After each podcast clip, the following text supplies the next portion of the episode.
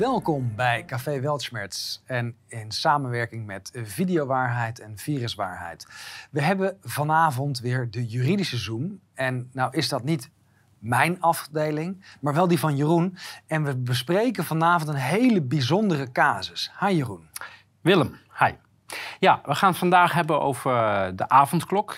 Die vorig jaar natuurlijk voor een hele hoop eh, gedoe uh, uh, gezorgd. We hebben in die, toen jij vast zat, 23ste uh, deze kwam de 18e. Uh, deze was de 18e, ja, nee, inderdaad. Die was de 18e, ja. die andere waren de 23e. 18e hebben we, hadden we ineens de uitspraak in cassatie. toevallig ook toen jij vast zat.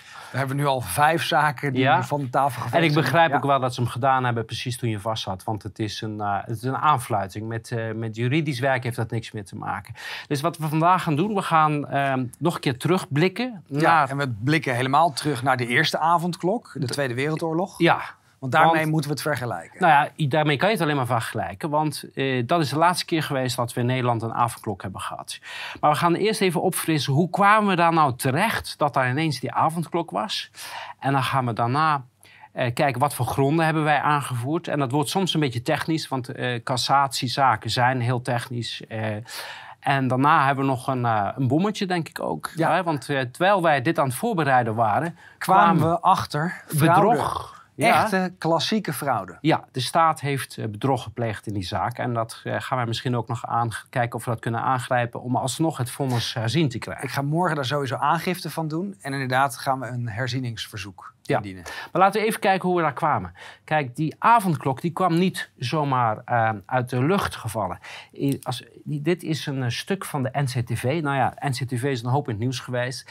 Die spelen in deze crisis als je het een crisis, het is natuurlijk geen gezondheidscrisis, het is een rechtsstatelijke crisis.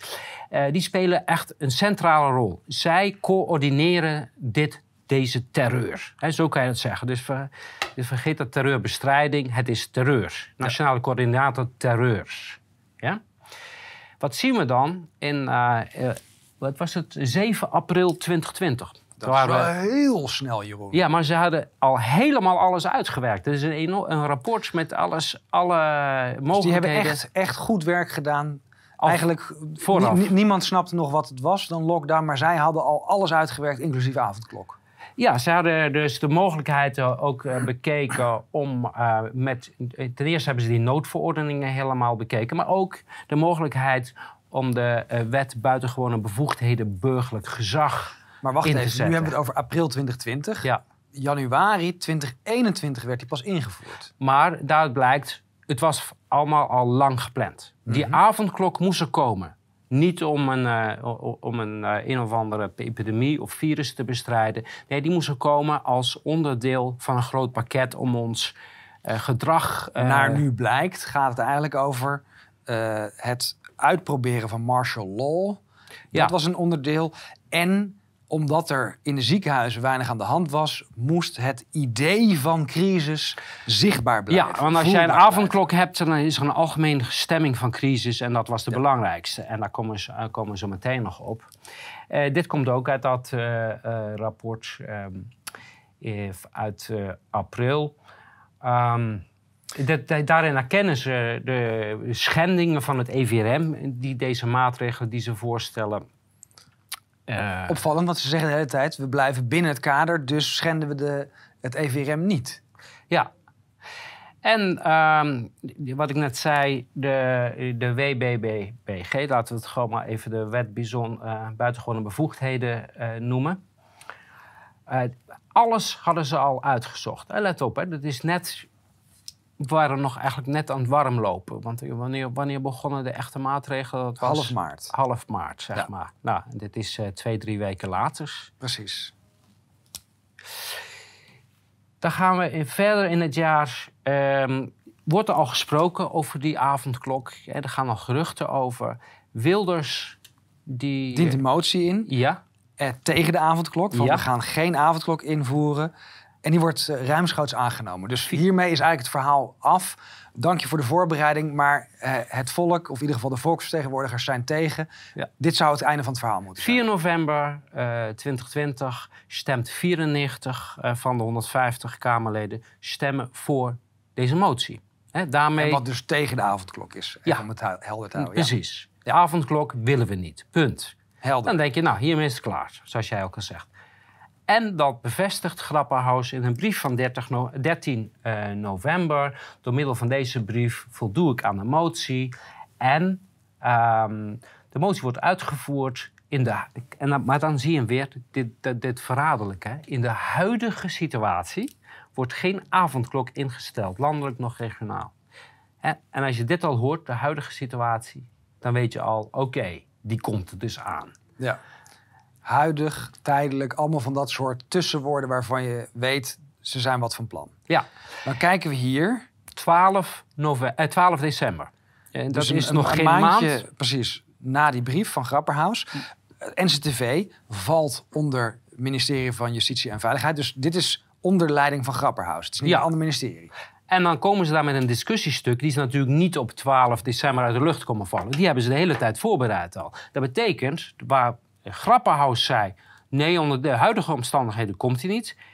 is het NCTV gaat gewoon verder met het voorbereiden van een avondklok. Want daar gaat dit stuk namelijk over. En zij beschrijven helemaal eh, hoe zo'n avondklok eruit zal moeten gaan zien... En welke elementen moet het hebben? En hoe gaat de handhaving plaatsvinden?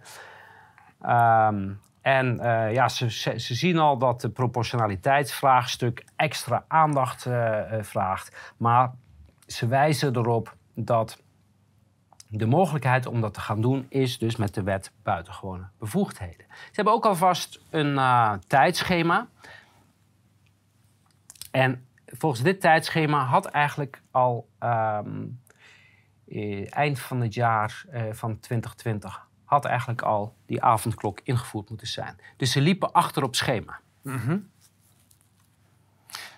Het kan ermee te maken hebben dat ze ook de cijfers in de gaten hebben gehouden en de, de naweeën van de epidemie van 2020. Hè. We hebben, als we ervan uitgaan, maart, april hebben we inderdaad een epidemie gehad in 2020. Die naweeën kwamen in december en januari kwamen die op. Dus ze moesten eerst over die piek heen, want anders zou iedereen direct zien dat het niks deed. Ja, en dan zie je hier een nota, een vertrouwelijke nota. ehm, eh, 17 januari.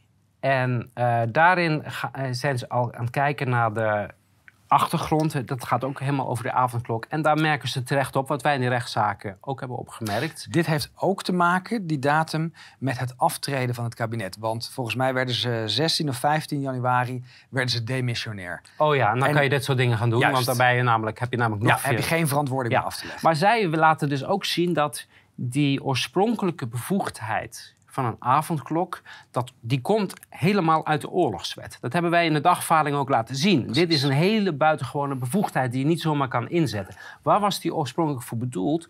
Zodat mensen gedwongen waren binnen te blijven, zodat eh, grote eh, oorlogsbewegingen en transporten, dat die buiten, eh, hè, dat die geheim konden blijven. Daarvoor is die oorspronkelijk bedoeld. Ja, en nu met Oekraïne in het achterhoofd wordt dit ook misschien wel een ander verhaal.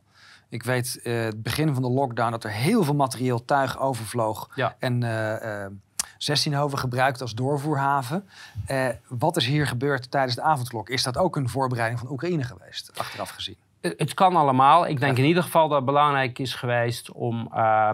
kijk, wij moesten, wij moesten er maar aan worden. wennen Ja. dat wij. in, in- in- ja, hoe noem je dat? Leiders. Ik, het zijn Mhm. eigenlijk geen leiders, hè, maar. Eh, dat die onze grondrechten kunnen nemen en geven wanneer het hun goed dunkt. Als we braaf zijn, krijgen we wat lekkers. En als we Ja. niet braaf zijn, dan wordt het weer weggepakt. Komen we 19 januari. Opeens is daar een OMT-advies. Eh, nee, dit is nog niet het OMT-advies. Dit is een vertrouwelijke nota van het minister- eh, ministerie van Justitie en Veiligheid. Ja, maar op dezelfde dag, 19 Ja, januari, dag, komt precies. ook dat OMT. Dus ja, dat allebei samen. Hè? Maar, en dan zie je weer die coördinatie Ja. vanuit de NCTV. Dat hebben wij al verschillende keren Ja. gezegd. NCTV die bepaalt, wij willen deze maatregelen. Het OMT schrijft even een rapportje daarvoor. Dat gaat naar de minister. En op basis daarvan wordt dan gerechtvaardigd om maatregelen te nemen. Ja. Herhaaldelijk gezegd en dat wordt steeds weer bevestigd. Ja, dit komt uit WOP-stuk overigens, eh, over de avondklok. En dan zie je deze nota. En eh, wat is het doel van deze nota? Is ehm, om eh, instemming te vragen. Dat wordt uh, voortgewerkt in de lijn van dat stuk. En dat gaat dan over de avondklok uh, COVID-19. En specifieke instemming te vragen, let op, artikel 3 van de wet buitengewone bevoegdheden zo te interpreteren dat artikel 8 voor de bestrijding van de epidemie kan worden aangewend. Dus ze erkennen dat dat niet logisch voortvloeit. Nee. Ze moeten het herinterpreteren om het erbij te pakken. En die specifieke instemming, van wie wordt die gevraagd? Is van dat van het parlement of van de minister? Van de minister. Dit is aan de minister.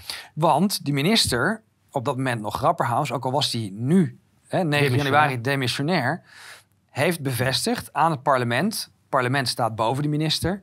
Jullie hebben uh, gestemd, er komt geen avondklok. Dus wat hier gebeurt, ja, is dit landverraad? Is het insubordinatie, muiterij? Uh, ik, in ieder geval, alles alle regels van de democratie worden hier geschonden. Ja, want jij zegt, we weten dat die wet daar niet voor bedoeld is, maar mogen wij dat op die manier gaan interpreteren? Daar vragen we maar ook het parlement heeft zich slechts twee maanden daarvoor er tegen uitgesproken. En de minister heeft bevestigd, het gaat niet ja. de huidige... En het is niet duidelijk hoe die omstandigheden dan uh, veranderd zouden zijn. Dan hebben we hier dat advies waar je het net over had. Dat is van 19 uh, eh, januari ook. En daar uh, zeggen ze, nou, de OMT die wil dus een avondklok. Hè? En als een aanvulling... Ja, nog eventjes. Welke... Want die vorige slide gaat over... De is 15e is er een meeting geweest van het OMT. En dit is het advies van 15 januari. Uh, maar het gaat natuurlijk over welke vragen ze gesteld aan het OMT.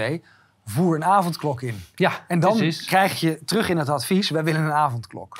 En wat zeggen ze daarin? Uh, dat ze een, zou een aanvullende bijdrage kunnen leveren. Nou, dat klinkt echt als een noodzaak hè, om dit in te voeren. Van, we kunnen niks anders meer. Want je kunt het ook niet garanderen, we kunnen niet nee, meten. Maar het zou kunnen. Ja. Weet je? Van alles kan. Ja. Um, wat uh, betreft de te verwachte bijdrage hebben ze even naar de literatuur gekeken. Maar daar komen we straks nog even op. Want daar zit een hele mooie in. Maar dat doen we op het einde. Uit een viertal reviews blijkt dat de avondklok een reductie uh, van 8 tot 13 procent van de gemiddelde RT-waarde zou kunnen leiden. Daar wil jij nog wat over zeggen. Ja, kijk, later is ook nog toegegeven, die gemiddeld 10 procent gaat niet over infecties zij doen het of het over besmettingen gaat. Want die RT, dat is een afgeleide van de hoeveelheid besmettingen van dag tot dag. Maar eigenlijk is het enige waar ze hebben gemeten, is mobiliteit ja. en interactie. Dus dit heeft niks te maken met het voorkomen van transmissie, infecties, ziektelast. Zij... Het is alleen maar te kijken, bij wijze van spreken met Google Maps, hoe kunnen we het verkeer zo, zo blokkeren dat er minder interacties zijn? En dan extrapoleren we tot in het oneindige en zeggen we dat we, de, dat we hiermee Precies. reduceren. Dus wat ze doen is, die RT-waarden die stellen ze nu gelijk aan het verminderen van verkeersbewegingen. Ja.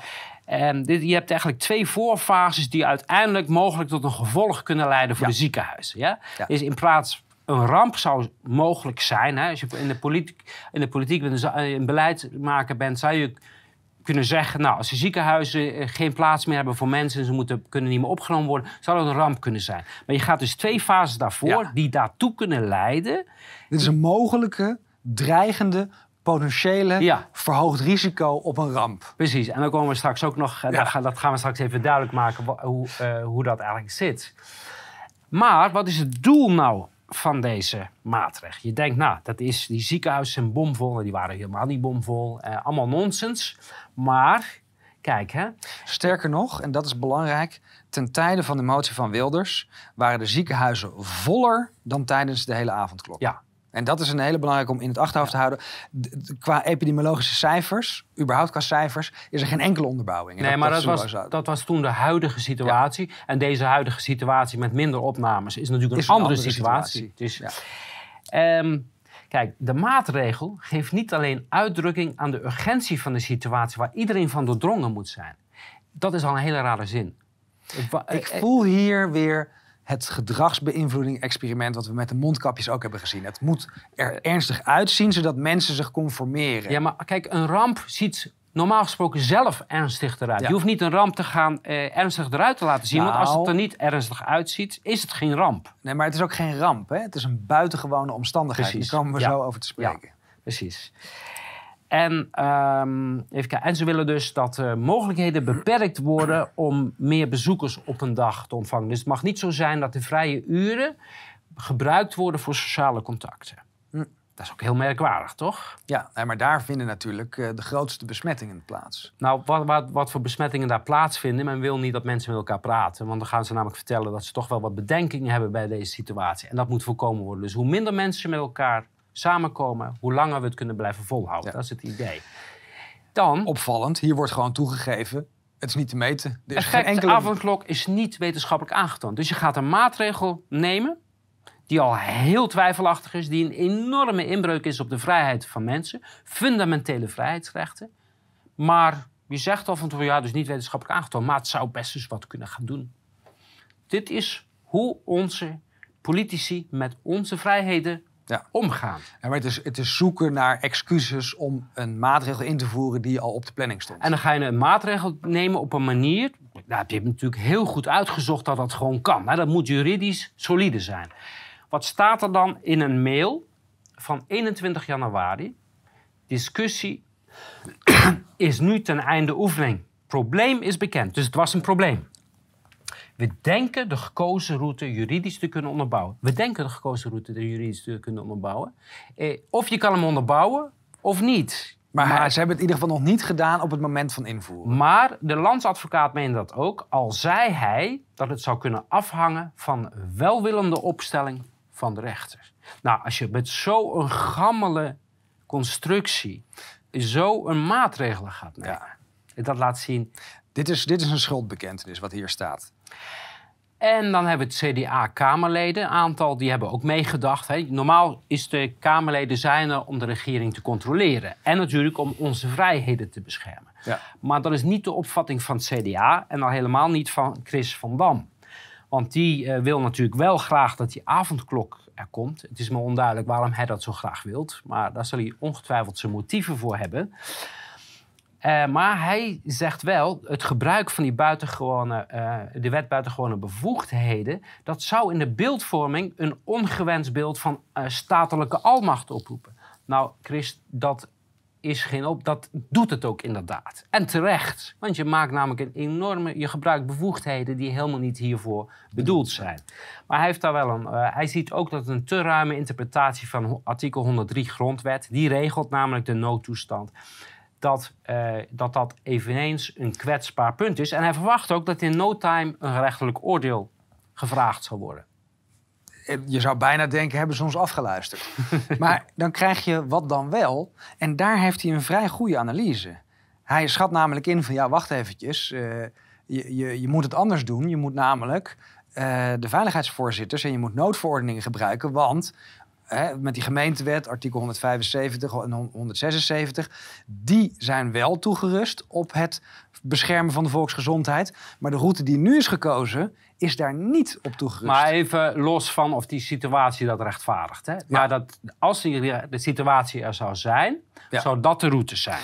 En dus wat dit vooral laat zien, ze wisten dat de route wankel was. Ze wisten ook dat er een andere route was die beter was. En die hebben ze bewust niet gekozen. Ja. Dan komen we bij waar het waarschijnlijk echt over ging. Ik heb uh, gisteren weer een paar uh, uh, tweets over die WOP-stukken naar buiten gebracht.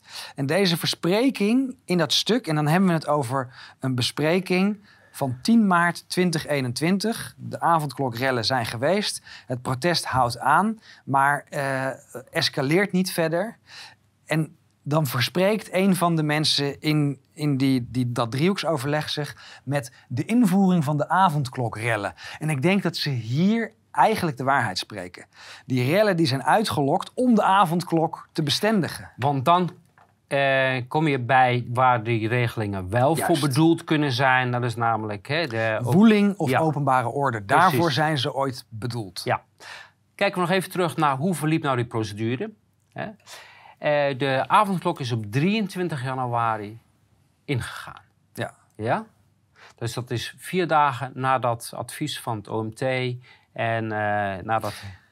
20 januari is er een technische briefing geweest door Van Dissel. En dat is ook een belangrijke datum, komen we zo op terug. Maar eigenlijk moet je hier zeggen, ja, dit is dus gewoon eh, klaargelegd en uitgevoerd. Hier is geen echt debat ge- Ja. geweest. Viruswaarheid, wij hebben 7 februari een kort geding aangekondigd. En vervolgens eh, is die, da- is die eh, dagvaarding eruit gegaan. En, en die eh, was voor 11 eh, februari. Februari is de zitting geweest. ja? Dat mocht niet live gestreamd worden, maar het is wel opgenomen volgens mij. ja, hij is opgenomen. Dat was met rechter Hoekstra. Die hadden we natuurlijk al een keer eerder gehad. Die had je ook al een keer gevraagd. Dus, dus we hadden al het gevoel van, nou, we, moeten nog zien wat hiervan komt. Maar tot onze grote verrassing heeft ze het serieus genomen. Ja, want op 16 februari heeft ze ons uiteindelijk gelijk gegeven. En, en ze ging dus mee met onze redenering dat eh, je kan niet via de eh, wet buitengewone bevoegdheden eh, zo'n maatregel nemen. En er waren grote vragen bij de spoedeisendheid en ook bij de onderbouwing daarvan. En daarmee sluit ze helemaal aan bij alle overwegingen van de minister, van het NCTV, eh, van het OMT, die toegeven, wetenschappelijk gezien is er geen bewijs. We weten niet of het effect heeft. En de juridische route is niet de beste. Er zijn andere mogelijkheden. Eh, we kiezen voor een wankele en dan zijn we afhankelijk van een welwillende rechter. En dat ging zelfs haar te ver. Die zei ze van, streep het Hier, door, hier doe ik niet aan mee. terug, huiswerk opnieuw. Ja, dus mevrouw Hoekstra is eigenlijk een van de weinigen geweest die Ja. gewoon op bepaalde momenten haar rug recht gehouden heeft. Ja. Diezelfde middag, want het vonnis is om 11 uur uitgesproken. Nou, smiddags 4 uur eh, zaten we bij eh, Ta- mevrouw Tan de Zonneviel. Inmiddels een bekendheid geworden in Nederland. Voor de, staat voor de corruptie, een symbool van de corruptie Ja. voor de rechterlijke macht. Dit is echt een lakai. Ja. Eh, totaal. Zij heeft overigens ook ehm, het vonnis van Urgenda. Urgenda, ja. het- Het arrest Heel van Urgenda in beroep. Opmerkelijk. Ja. Ja. dat was ook een 1-2'tje. Ja, absoluut. Ehm, dus zij heeft gelijk de, het, vonnis geschorst. Dat betekent... En dat was heel opvallend. Hè? De, de, de uitspraak die ze deed voordat ze officieel een uitspraak deed, was: hè, we moeten de uitspraak voor 9 uur doen, want dan kunnen Gaat mensen. de avondklok dan gaat de avondklok in. Dus, dus er is geen enkele twijfel dat zij corrupt is en dat ze iets aan het uitvoeren We hebben toen gevraagd. Eh, Gelijk was de wrakingskamer stond al klaar. Die zaten volgens mij al in de wrakingskamer te wachten tot, eh, tot wij zouden gaan wraken. Die wraking is gelijk behandeld en diezelfde avond... eh, Een totale farce. En, en dit is een hele beroemde zaak geworden over de hele wereld. Toen ik vastzat eh, in, in Hoogvliet. de meeste gedetineerden zaten, ah, engel van de avondklok. dus dit is wel een... Ja, en zij he- heeft uiteindelijk weer op 26 eh, februari, hè, was het geloof ik. ja, dus eh, nee, de 16e was er een, eh, een, een incident. Dan, dan, en dat was heel vreemd. Ook nog de procedure dat er überhaupt getuigen gehoord konden worden in de procedurele zitting. Dat geeft aan, ze lappen alle regels nou ja, die. Van Dissel was daar inderdaad. En toen, ja, maar toen en Van Dissel wij- gaf toe dat het eigenlijk allemaal op, op luchtfietserij gebaseerd was. Dan vatte dat samen als van ja, die modellen. Ik moest ze dus eigenlijk opvatten als het kan vriezen, kan dooien. En dat blijkt een hele belangrijke uitspraak te zijn die we dadelijk gaan zien. 19e hadden wij de inhoudelijke behandeling van het hoger Ja. beroep.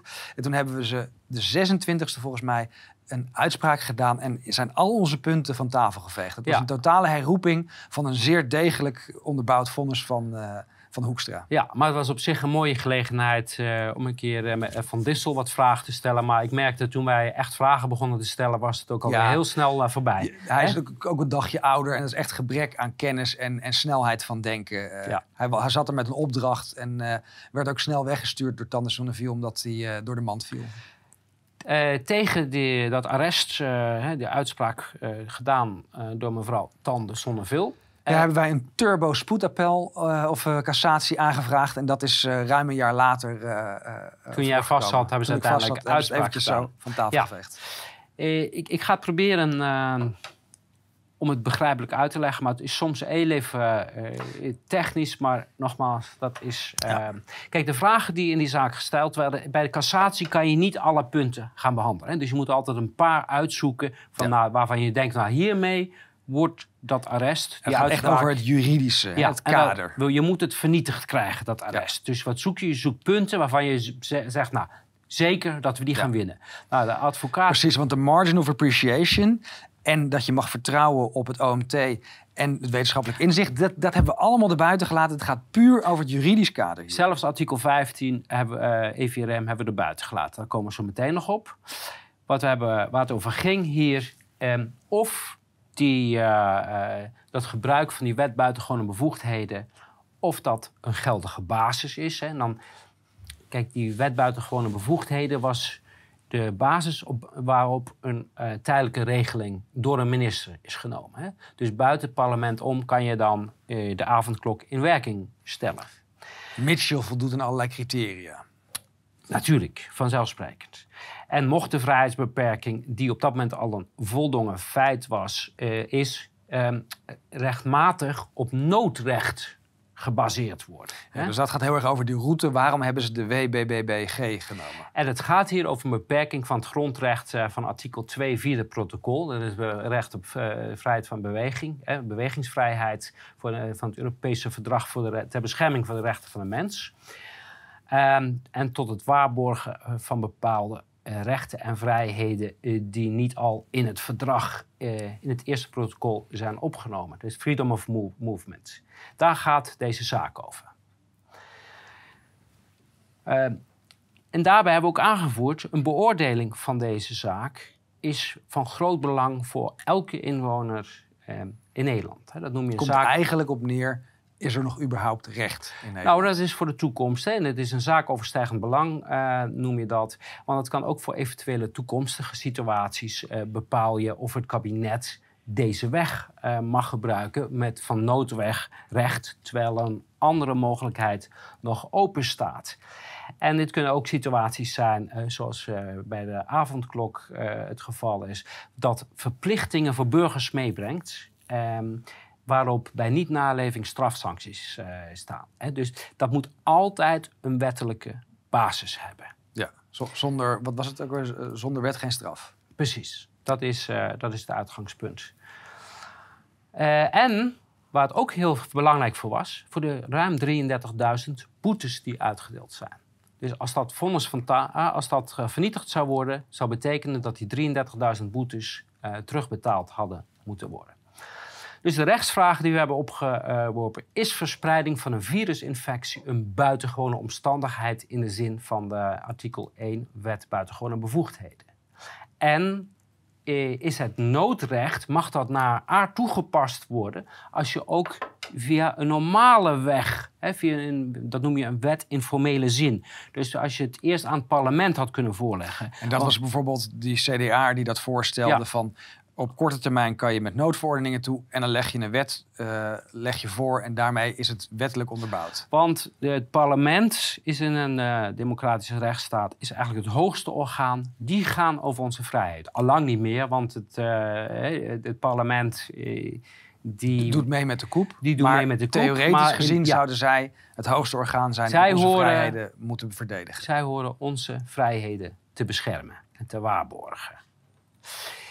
Um, de cassatie hebben op een aantal overwegingen in het arrest. Ten eerste zegt mevrouw Tande Zonneveel en haar collega's, die zeggen...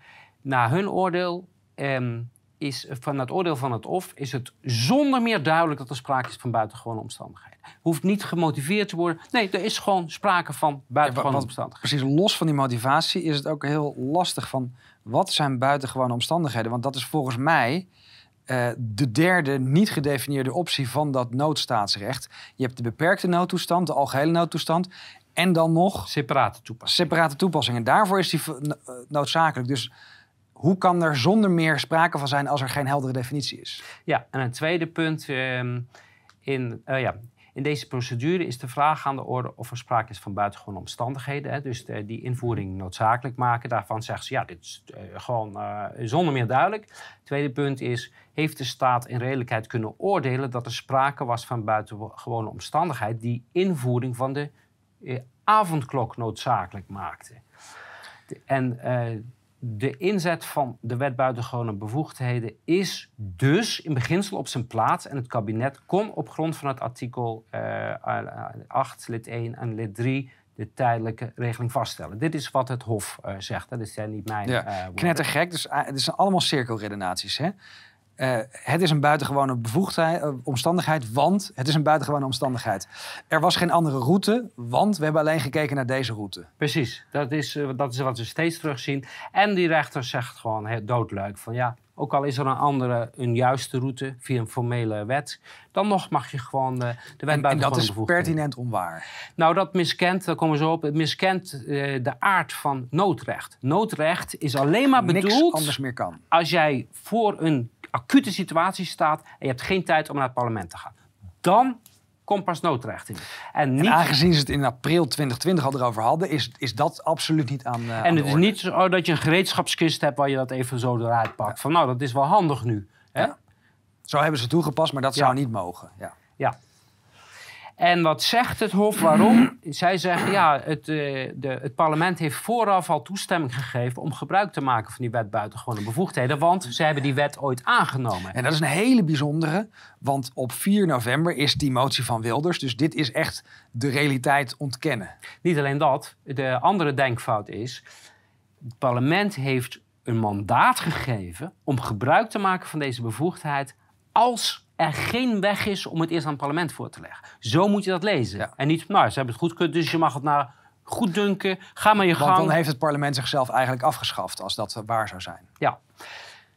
Buitengewone omstandigheden. Een beetje technisch, maar eh, hoe moet je dat uitleggen in de zin van, uh, in de zin van deze wet? Um, dat omvat slechts omstandigheden die een bedreiging vormen voor de openbare orde en veiligheid in beperkte zin. Dat komt, dat is het doel van deze wet. Dat is de definitie van buitengewone omstandigheden binnen deze wet. Hè? Precies, want, je hebt vier verschillende noodwetten. Ja. Ehm, en in elke noodwet heeft die buitengewone omstandigheden. In de oorlogswet is dat een hele andere dan bijvoorbeeld in deze wet. Wat ik hier opvalt, of wat mij hier opvalt, is dat het over de openbare orde en de veiligheid gaat. Ik zie hier geen volksgezondheid bij staan. Nee, dat klopt. En daar komen we zo op, want dat, is namelijk, oh, dat wordt ook in het internationale verdrag apart behandeld. Mhm. hè? En dat laat ook al zien dat je het niet op één hoop kan gooien. Bescherming van de volksgezondheid valt dus niet onder openbare orde en veiligheid. De hele wetsgeschiedenis maakt dat duidelijk. Dat, is, dat kan niet. En dus is het niet zonder meer duidelijk, netjes geformuleerd, dat er sprake is van buitengewone omstandigheden. En de wetsgeschiedenis een, moet het gaan, volgens de wetsgeschiedenis, om een omstandigheid waarin een vitaal belang wordt bedreigd en normale bevoegdheden niet toereikend zijn om deze bedreiging af te Dit is dus dat punt van het NCTV-rapport over die herinterpretatie. Ja. Dit, je moet het dus kunnen interpreteren als zijnde veiligheid. Volksgezondheid en veiligheid worden hier op één hoop gegooid. Dat is, uh, hoe noem je dat? Dat is een mooie Duitse term voor. Je gaat een doelredening hinein. Ja. Uh, ik, ik, ik, ben even de term kwijt. Mhm. Je gaat een doelredenering gebruiken. Maar op, op het moment dat je al een doelredenering moet gaan gebruiken, betekent al uh, dat het niet klopt. Want mm ofwel. het moet altijd andersom en dan weet je waar je uitkomt. Ja.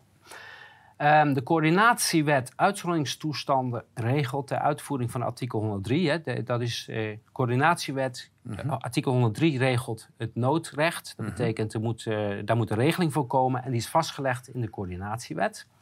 En daarin is dus de afkondiging van een beperkte en een algemene noodtoestand geregeld.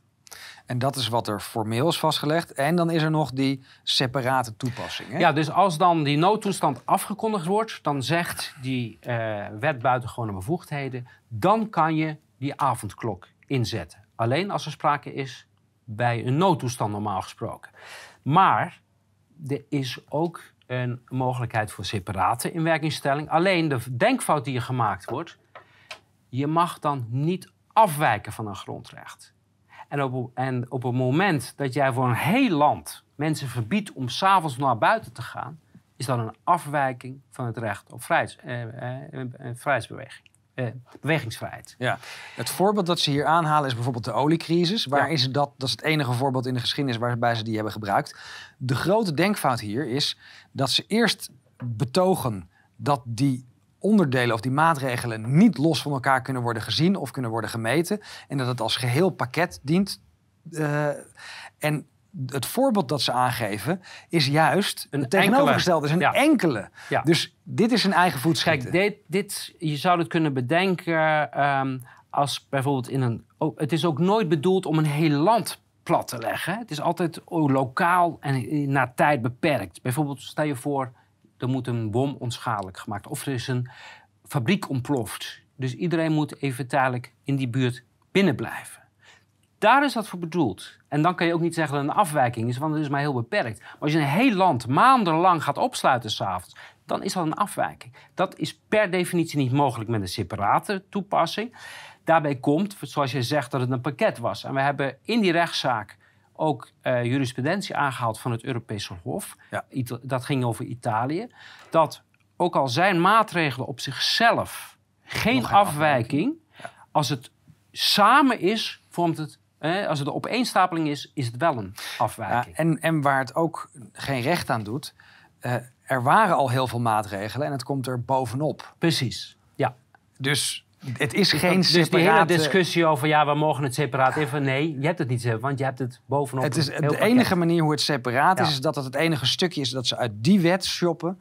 Maar het hoort bij het hele pakket maatregelen. Ja, en dan eh, uit de wetsgeschiedenis het eh, begrip buitengewone omstandigheden is niet na- nader juridisch gedefinieerd. En het gaat dus naar een oordeel van een bestuurlijk oordeel eh, dat de situatie niet met normale bevoegdheden kan worden aangepakt. En dat is cruciaal. Hè? Er moet niet de mogelijkheid zijn om dat via een wet te regelen, bijvoorbeeld.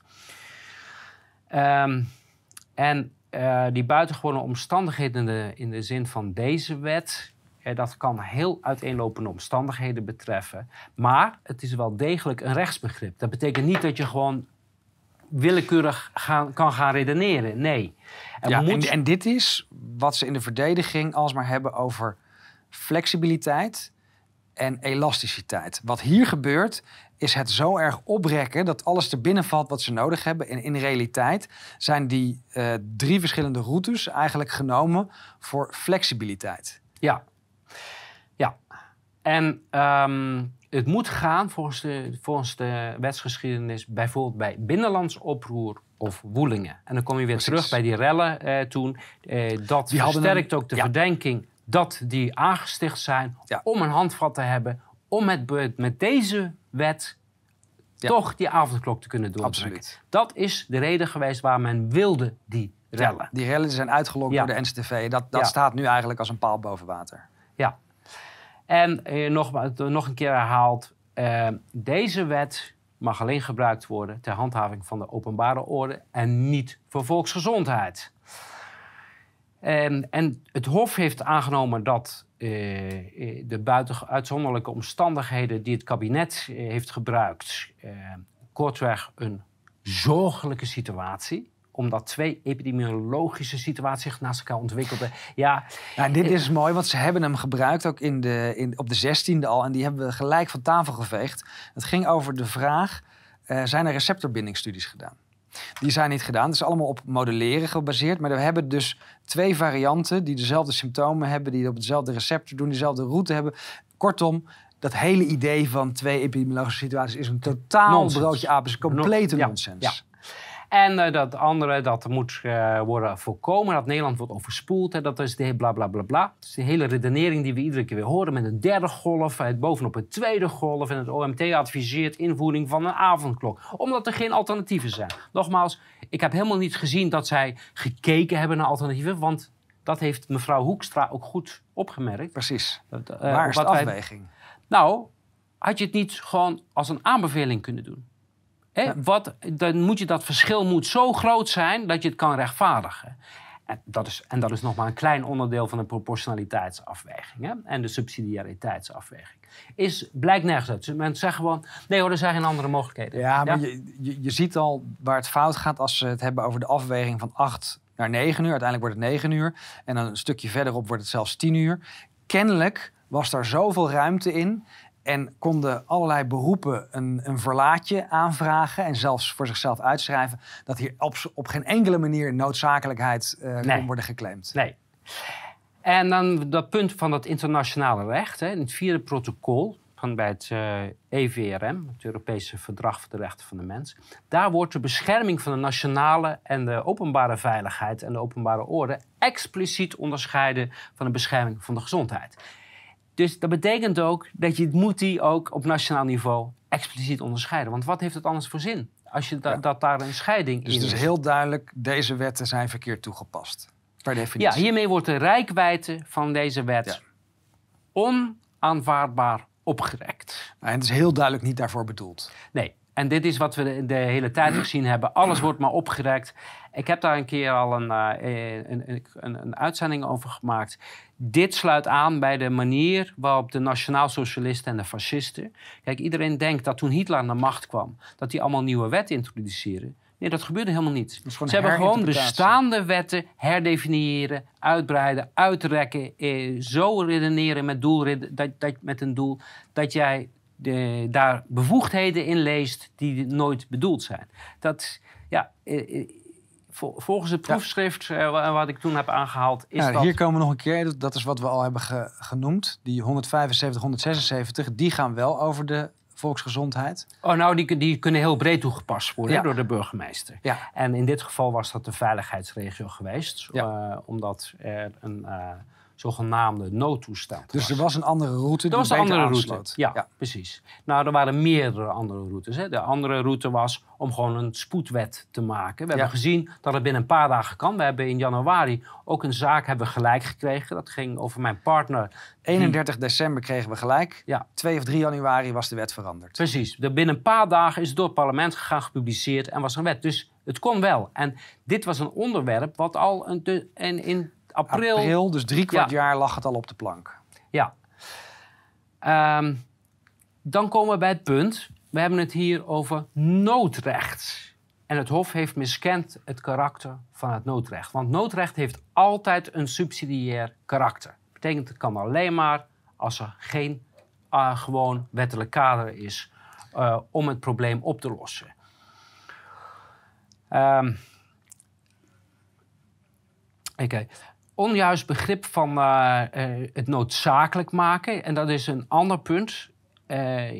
Wa- Dus rechter- alsof de avondklok Nee, noodzakelijk nee, kijk, is. ja, de rechter heeft getoetst, is die avondklok noodzakelijk. Maar dat noodzakelijk in die wet wijst helemaal niet naar de maatregel zelf. Dat is even technisch, dus ik hoop dat ik, dat ik het begrijpelijk kan maken. Nee, dat noodzakelijk moet zijn, er is geen andere route om een maatregel te nemen.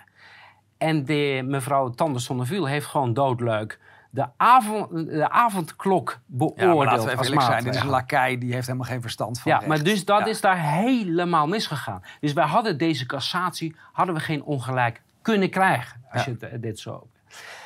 En, en in een democratische rechtsstaat gaan eh, verbindende voorschriften uit van een democratische wetgever. Dat zei ik net al. Hè?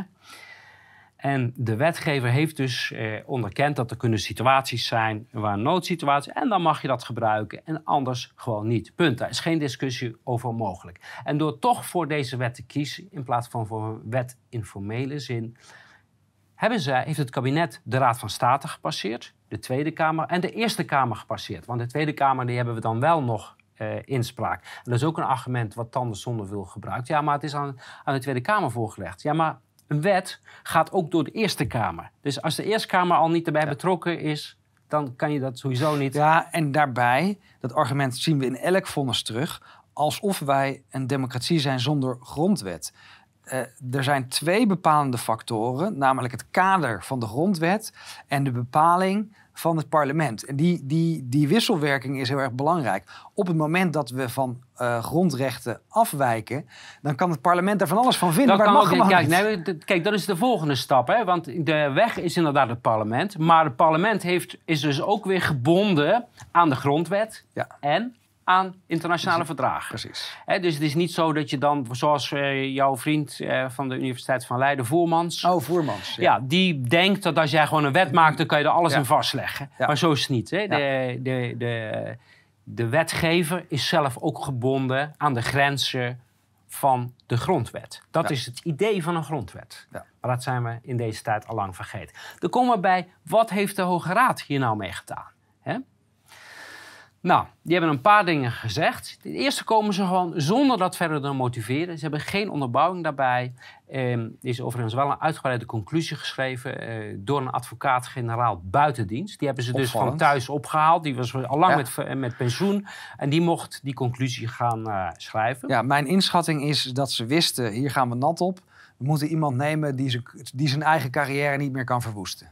Precies, of die het allemaal niet meer zo goed snapt. Ja. Ehm, eerst zegt, de eerste wat de Hoge Raad zegt uit de parlementaire geschiedenis blijkt niet eh, dat een toestand waarin de fysieke veiligheid van de bevolking wordt bedreigd door een zich verspreidend virus. Hè? Let op. Dat dat geen buitengewone omstandigheid kan zijn. Dus hij draait het om. Ja, hij doet een omgekeerde redenering. Het En blijkt dit bedoel ik met flexibiliteit en elasticiteit. Er wordt gewoon net zo lang gerekt dat het er binnen kan vallen. Oké, nou ja, dan zou het dus kunnen.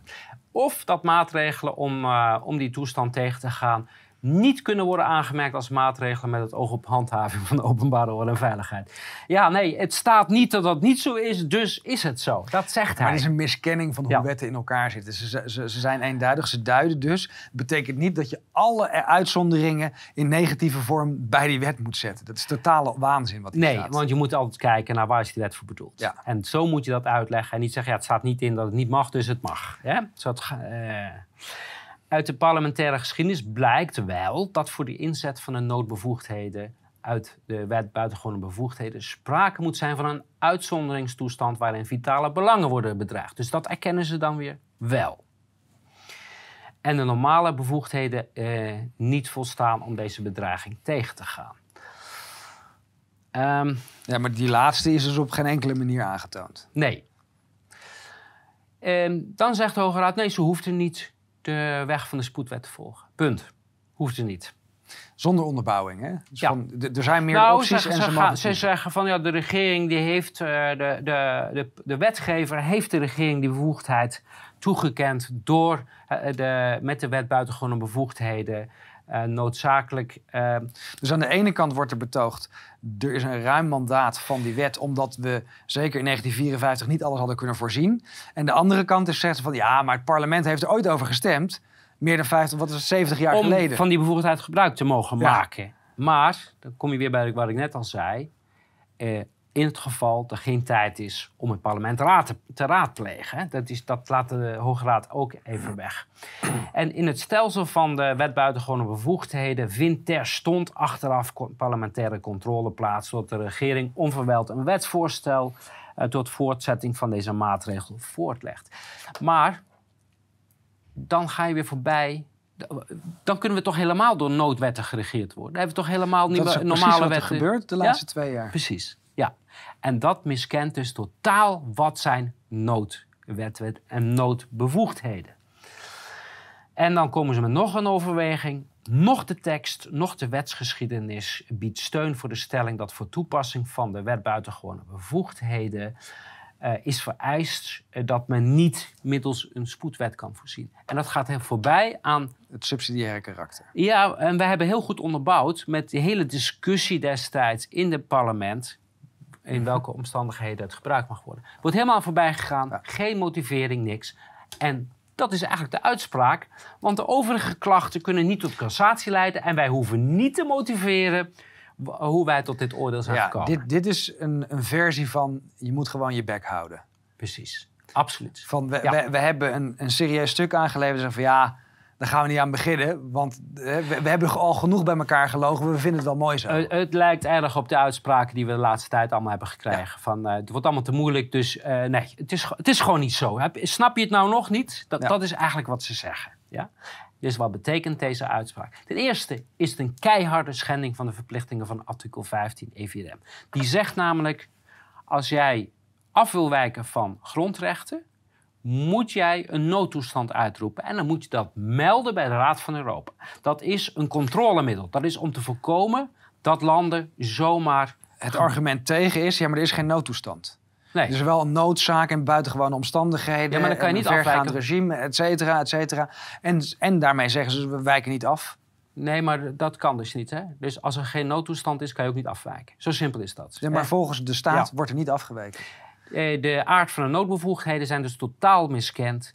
Eh, De inzet van het noodrecht is opgerekt bij potentieel gevaar.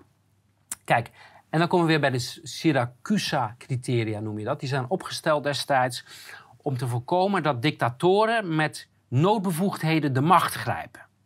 Men dacht toen destijds aan Zuid-Amerikaanse landen. Maar nu, nu als we hier zien, hebben ze ook gewoon... Hoe hebben ze de macht gegrepen? Met misbruik van noodbevoegdheden. Ehm, kijk, en dat strikte, principe van strikte noodzaak... dat moet objectief eh, toegepast worden volgens het Europese Hof. En dat betekent dat elke maatregel moet gericht zijn tegen een reëel, duidelijk en aanwezig of dreigend gevaar. En mag niet opgelegd worden wegens vrees voor een potentieel gevaar. Dat is een hele belangrijke. En dat bedoelde ik net al van een mogelijk dreigend potentieel risico. Dat mag niet. D- dat, dat zijn het geen... moet ja. een acute, directe en reële bedreiging zijn. een potentieel gevaar is eigenlijk niet meer dan een risicoanalyse. En dat zou betekenen dat je iedere dag als regering elke grondrecht, van elk grondrecht gewoon af zou kunnen wijken. Want er zijn altijd potentiële risico's. Hè? En een reële en directe dreiging kan alleen maar volgen uit feitelijke omstandigheden. En dan komen we weer, waar hebben we het eigenlijk over? Over een virus dat muteert en mogelijk dodelijker wordt. Dat kan nimmer, maar dan ook nooit en te nimmer een basis vormen voor wat voor een grondrechtinperking dan ook. En nog minder als deze potentiële gevaren een product zijn van modellen en aannames. Want het is niet meer dan je gooit wat rommel in een model, er komt wat uit. Oh, we hebben een potentieel gevaar, Ja. of potentiële dreiging.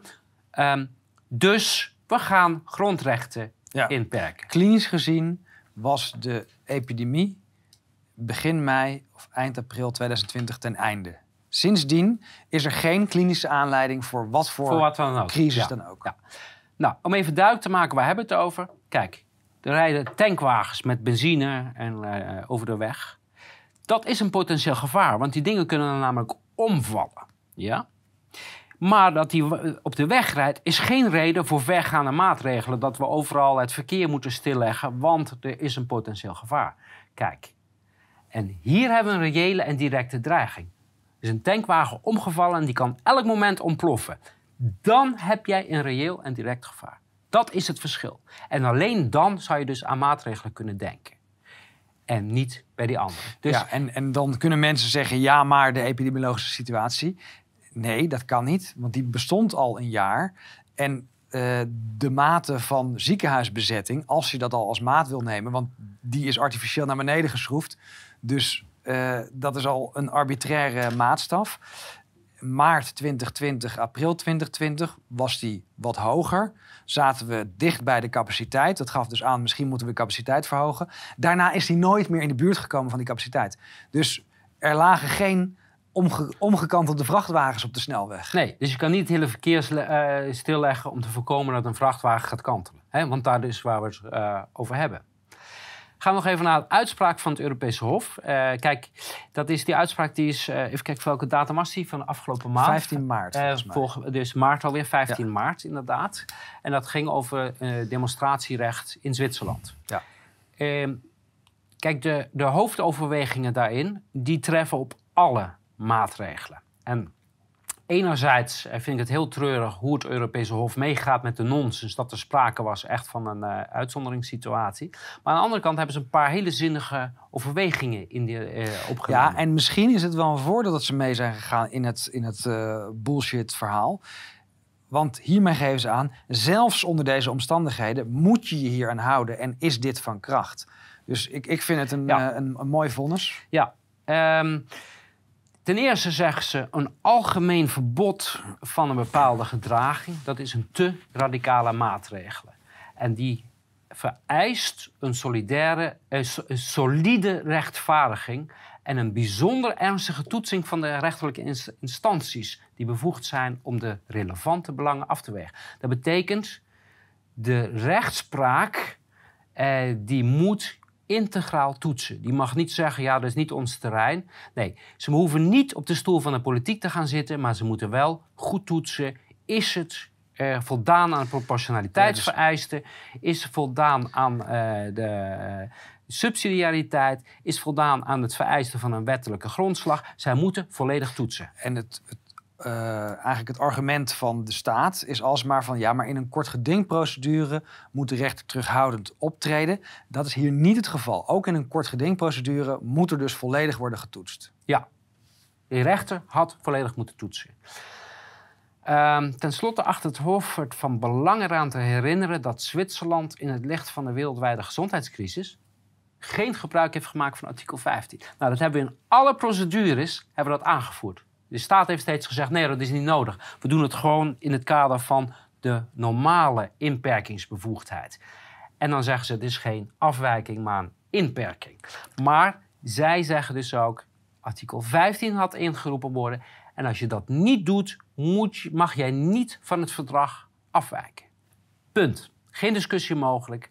En ehm, zeker bij de avondklok en ook bij de inreisverbod zonder PCR-test, noem maar op, dat was. Dat zijn afwijkingen. Dat zijn afwijkingen. Ja. Die, die daarbij Maar af- ook, maar ook de beperkingen van demonstraties tot 30 man op een bepaald tijdstip, op een bepaalde manier, zonder uitingen, et cetera. Dat is een afwijking van het demonstratierecht omdat het betekenisloos wordt. Dus, Precies, ja. en, en daar gaat dit vonnis natuurlijk Daar over. gaat het vonnis over. Ja, en dat is in Nederland net zo gebeurd. Wat in Nederland ook net zo is gebeurd als in Zwitserland, dat de nationale rechterlijke instanties de betrokken eh, maatregelen in de, betrokken periode niet doeltreffend hebben gecontroleerd. Dat is precies wat bij ons ook is gebeurd. In al die rechtszaken hebben de rechters geweigerd om een Te toetsen. volwaardige Maar toetsing te doen. vooral Ja. de staat heeft nagelaten om ook maar iets van onderbouwing te geven. Dat ze hebben gekeken naar proportionaliteit, subsidiariteit, effectiviteit, noodzakelijkheid. Dit zijn de criteria die altijd moeten gelden en die eigenlijk per week eh, moeten worden geherevalueerd. Er is niks van te vinden. En wat zegt het eh, Hof vervolgens? Als eh, de rechterlijke macht niet goed getoetst heeft, dan heeft de verwerende staat eh, de beoordelingsmarge overtreden. Dat is het directe gevolg als er niet goed getoetst is. Wij gaan overigens met deze zaak ook naar het Europese Hof. Ja. Ehm, en dan nog een eh, overweging van het Europese Hof in tijden van crisis, waar een opeenvolgende reeksen drastische beperkingen eh, van vrijheden met spoed kunnen worden vastgesteld, vormt de toegang een onafhankelijke en doeltreffende rechterlijke controle een fundamentele waarborg tegen een risico van excessen en misbruik, die niet onderschat mogen worden. Ik hoop dat de rechterlijke macht toehoort, hè, eh, eh, want eh, de Nederlandse rechtspraak die is echt keihard door de mand gevallen hè, de, de afgelopen twee jaar. En eh, wat dat betreft biedt dit wel een beetje hoop. Ook in Nederland hebben we een uitspraak eh, vrij recent gehad, 2 mei volgens mij, protestival. Ehm, een iets ander vonnis, maar dat geeft ook aan, je mag niet zomaar iets verbieden als er geen onderbouwing zit. Dus het- er lijkt een nieuwe trend te komen, ook als ik kijk naar de vonnissen uit Sicilië en India, die het hebben over het uitblijven van informed consent of de, de nut-risicoverhouding, dat die niet positief is aangetoond. Dus er begint iets te komen, internationaal gezien, bij de rechters van, er is nu twee jaar geweest, er is geen onderbouwing, maar het kan alleen met onderbouwing. En dan komt er nog een sneer naar de rechter. De rechter is er natuurlijk niet om de, eh, op de stoel van, eh, van de politiek te gaan zitten of van het bestuur te gaan zitten, maar om de rechtmatigheid en proportionaliteit van de beperkingen te controleren. Waarbij het doel moet zijn om de burgers zo snel weer mogelijk in staat te stellen in volle omvang hun vrijheden weer te kunnen gebruiken. Dat moet altijd het uitgangspunt zijn. Waar is de exit eh, geweest, strategie geweest? hebben we dit- ook al vaak opgemerkt, hè, dat Ja. in al die scenario's er nooit een scenario nul was, Ja. waar er geen maatregelen waren. Ja. Ehm, jij wilde hier nog wat opmerkingen over maken over de fysieke veiligheid. Ja, dat oprekken, dat elastische, wat flexibel is binnen het kader kunnen bewegen. Elastisch is het kader uitrekken. Wat hier is gebeurd, en zeker bij de volgende slide zie je dat duidelijk. Er is een heel dun raakvlak tussen volksgezondheid en fysieke veiligheid. Er zijn ook twee losse instituten. Het RIVM met het LCI, dat doet dan de volksgezondheid. En het eh, eh, IFV, volgens mij Instituut voor Fysieke Veiligheid, die doet het andere. En die werken samen voor rampenbestrijding. Maar dat betekent dus dat als je deze al gelijk stelt, dat het maar één mogelijkheid kan zijn in het geval van een ramp. Dus het hele idee van separate toepassingen, nee. Als je de fysieke veiligheid en de volksgezondheid samen eh, of eh, gelijk stelt, is er per definitie sprake van een ramp en is er dus per definitie sprake van een noodtoestand. En dit is het gevaarlijke van het oprekken en het herdefiniëren van dit soort eh, begrippen. En dat komt dus ook terug in dat kader wat het he- over heeft over de veiligheid en openbare orde en expliciet niet heeft over de volksgezondheid. Dat heeft alles hiermee te maken. Nog even het bedrog. Dit is misschien wel het belangrijkste. Uh, we waren dit uh, aan het voorbereiden. En toen las ik weer de memorie van Grieven, volgens mij. Van de staat. Dus die ze aanvoerde op 16 februari na de uitspraak van uh, Hoekstra. en die dan inhoudelijk op 19 februari is behandeld. Waarom is het van belang? Jaap van Dissel heeft dat advies wat uit is gebracht. En volgens mij is dat advies van 20 januari. 20 januari, ja. 20 januari heeft hij de Kamer ingelicht. Dan kunnen we naar de volgende gaan. Kijk, dit is die, uh, de presentatie. Die geeft hij regelmatig aan de Tweede Kamer, Precies. de briefing. Kijk. Heeft hij dit plaatje als onderbouwing gegeven voor de maatregelen. Dan zijn er een aantal maatregelen. Die bovenste, daar zijn veel mensen over gevallen. Want dat gaat over dat mond-neusmasker. Maar ook een aantal andere van gathering, van de hoeveelheid mensen. Schools en universities open, stay-at-home orders. Allemaal van dit soort uh, maatregelen. Wat je hier ziet is, he, door de bank genomen zijn ze positief. Alleen die eerste en die tweede, daar zit, daar zit nog een onzekerheidsmarge. Dus die zijn eigenlijk niet goed vast We moeten vooral kijken naar de onderste. Want die staat rechts van de, uh, van de middenlijn. Van de... Ja, en, en vooral die uh, zekerheidsmarge. Maar wat dit eigenlijk laat zien, is de onderbouwing van de proportionaliteit en subsidiariteit. Dit, dit is, aangevoerd, dit is aangevoerd door de staat om de proportionaliteit te onderbouwen. Om de rechter te overtuigen van kijk, het heeft effect. En dat het meetbaar is. En meetbaar is het wanneer het de uh, verticale lijn niet kruist. Dus we zien hier dat bijna alle maatregelen zogenaamd meetbaar zijn. Alleen die bovenste twee, daar zijn we over en verdeeld. Belangrijk, dit komt uit een studie waar Van Dissel naar verwijst in deze presentatie. Ja, maar, maar let, op. En dit, is dan de memorie van Grieven. Hij is letterlijk zo overgenomen uit de presentatie ja, van dus dit is de landsadvocaat 10.32. Dat is die overweging van de memorie van Grieven. Je kan het allemaal op de website opzoeken. En dan komt het originele en uit het artikel. het originele plaatje is het eerste zelfs negatief. Het gaat over die mondkapjes. Dus de mondkapjes hebben, een, als we dit al mogen geloven, een negatief effect op de verspreiding van het virus. Maar dan zien we dat uh, maatregel 2, 5 en 7 niet meetbaar zijn. Want die onzekerheids, dat onzekerheidsinterval kruist die lijn. Dus wat hier eigenlijk de conclusie is, de meeste weten we niet. De meeste weten we niet eens of ze effect hebben. Op basis van dit, uh, van deze grafiek en deze onzekerheidsmarge, had de rechter nooit mogen oordelen dat het proportioneel is. Want je zegt eigenlijk, we weten helemaal niet of er enig effect is. Terwijl dat wel beweerd is tijdens die rechtszaak. Dat betekent... Het... Er is fraude gepleegd. Nou, fraude, dit is, dit is bedrog. Dit is bedrog. En um, dit is ook toegegeven door Koen Berendsen. Of Koen Berends, dat is de woordvoerder van het RIVM. Die heeft later toegegeven het verkeerde plaatje is gebruikt. Waarom? Hierom. Dus let even Er is bedrog gepleegd in de Tweede Kamer. Die is moedwillig voorgelogen. Dat hebben ze later toegegeven. Maar de landsadvocaat heeft niks verbeterd. Het is toegegeven op 5 maart. Het vonnis was 26 februari.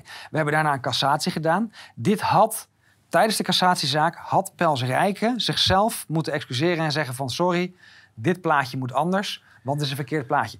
Heeft Pels Rijken nagelaten. Hiermee hebben ze een behoorlijk zwaar misdrijf gepleegd. Nou ja, we hebben dus in deze zaken, die, die spoedappel die daar vier uur later was, ja. het is, deze, dit is echt een vuilnisvat eh, van de rechtspraak waar we het hier ja, over we hebben. het hier over een criminele organisatie.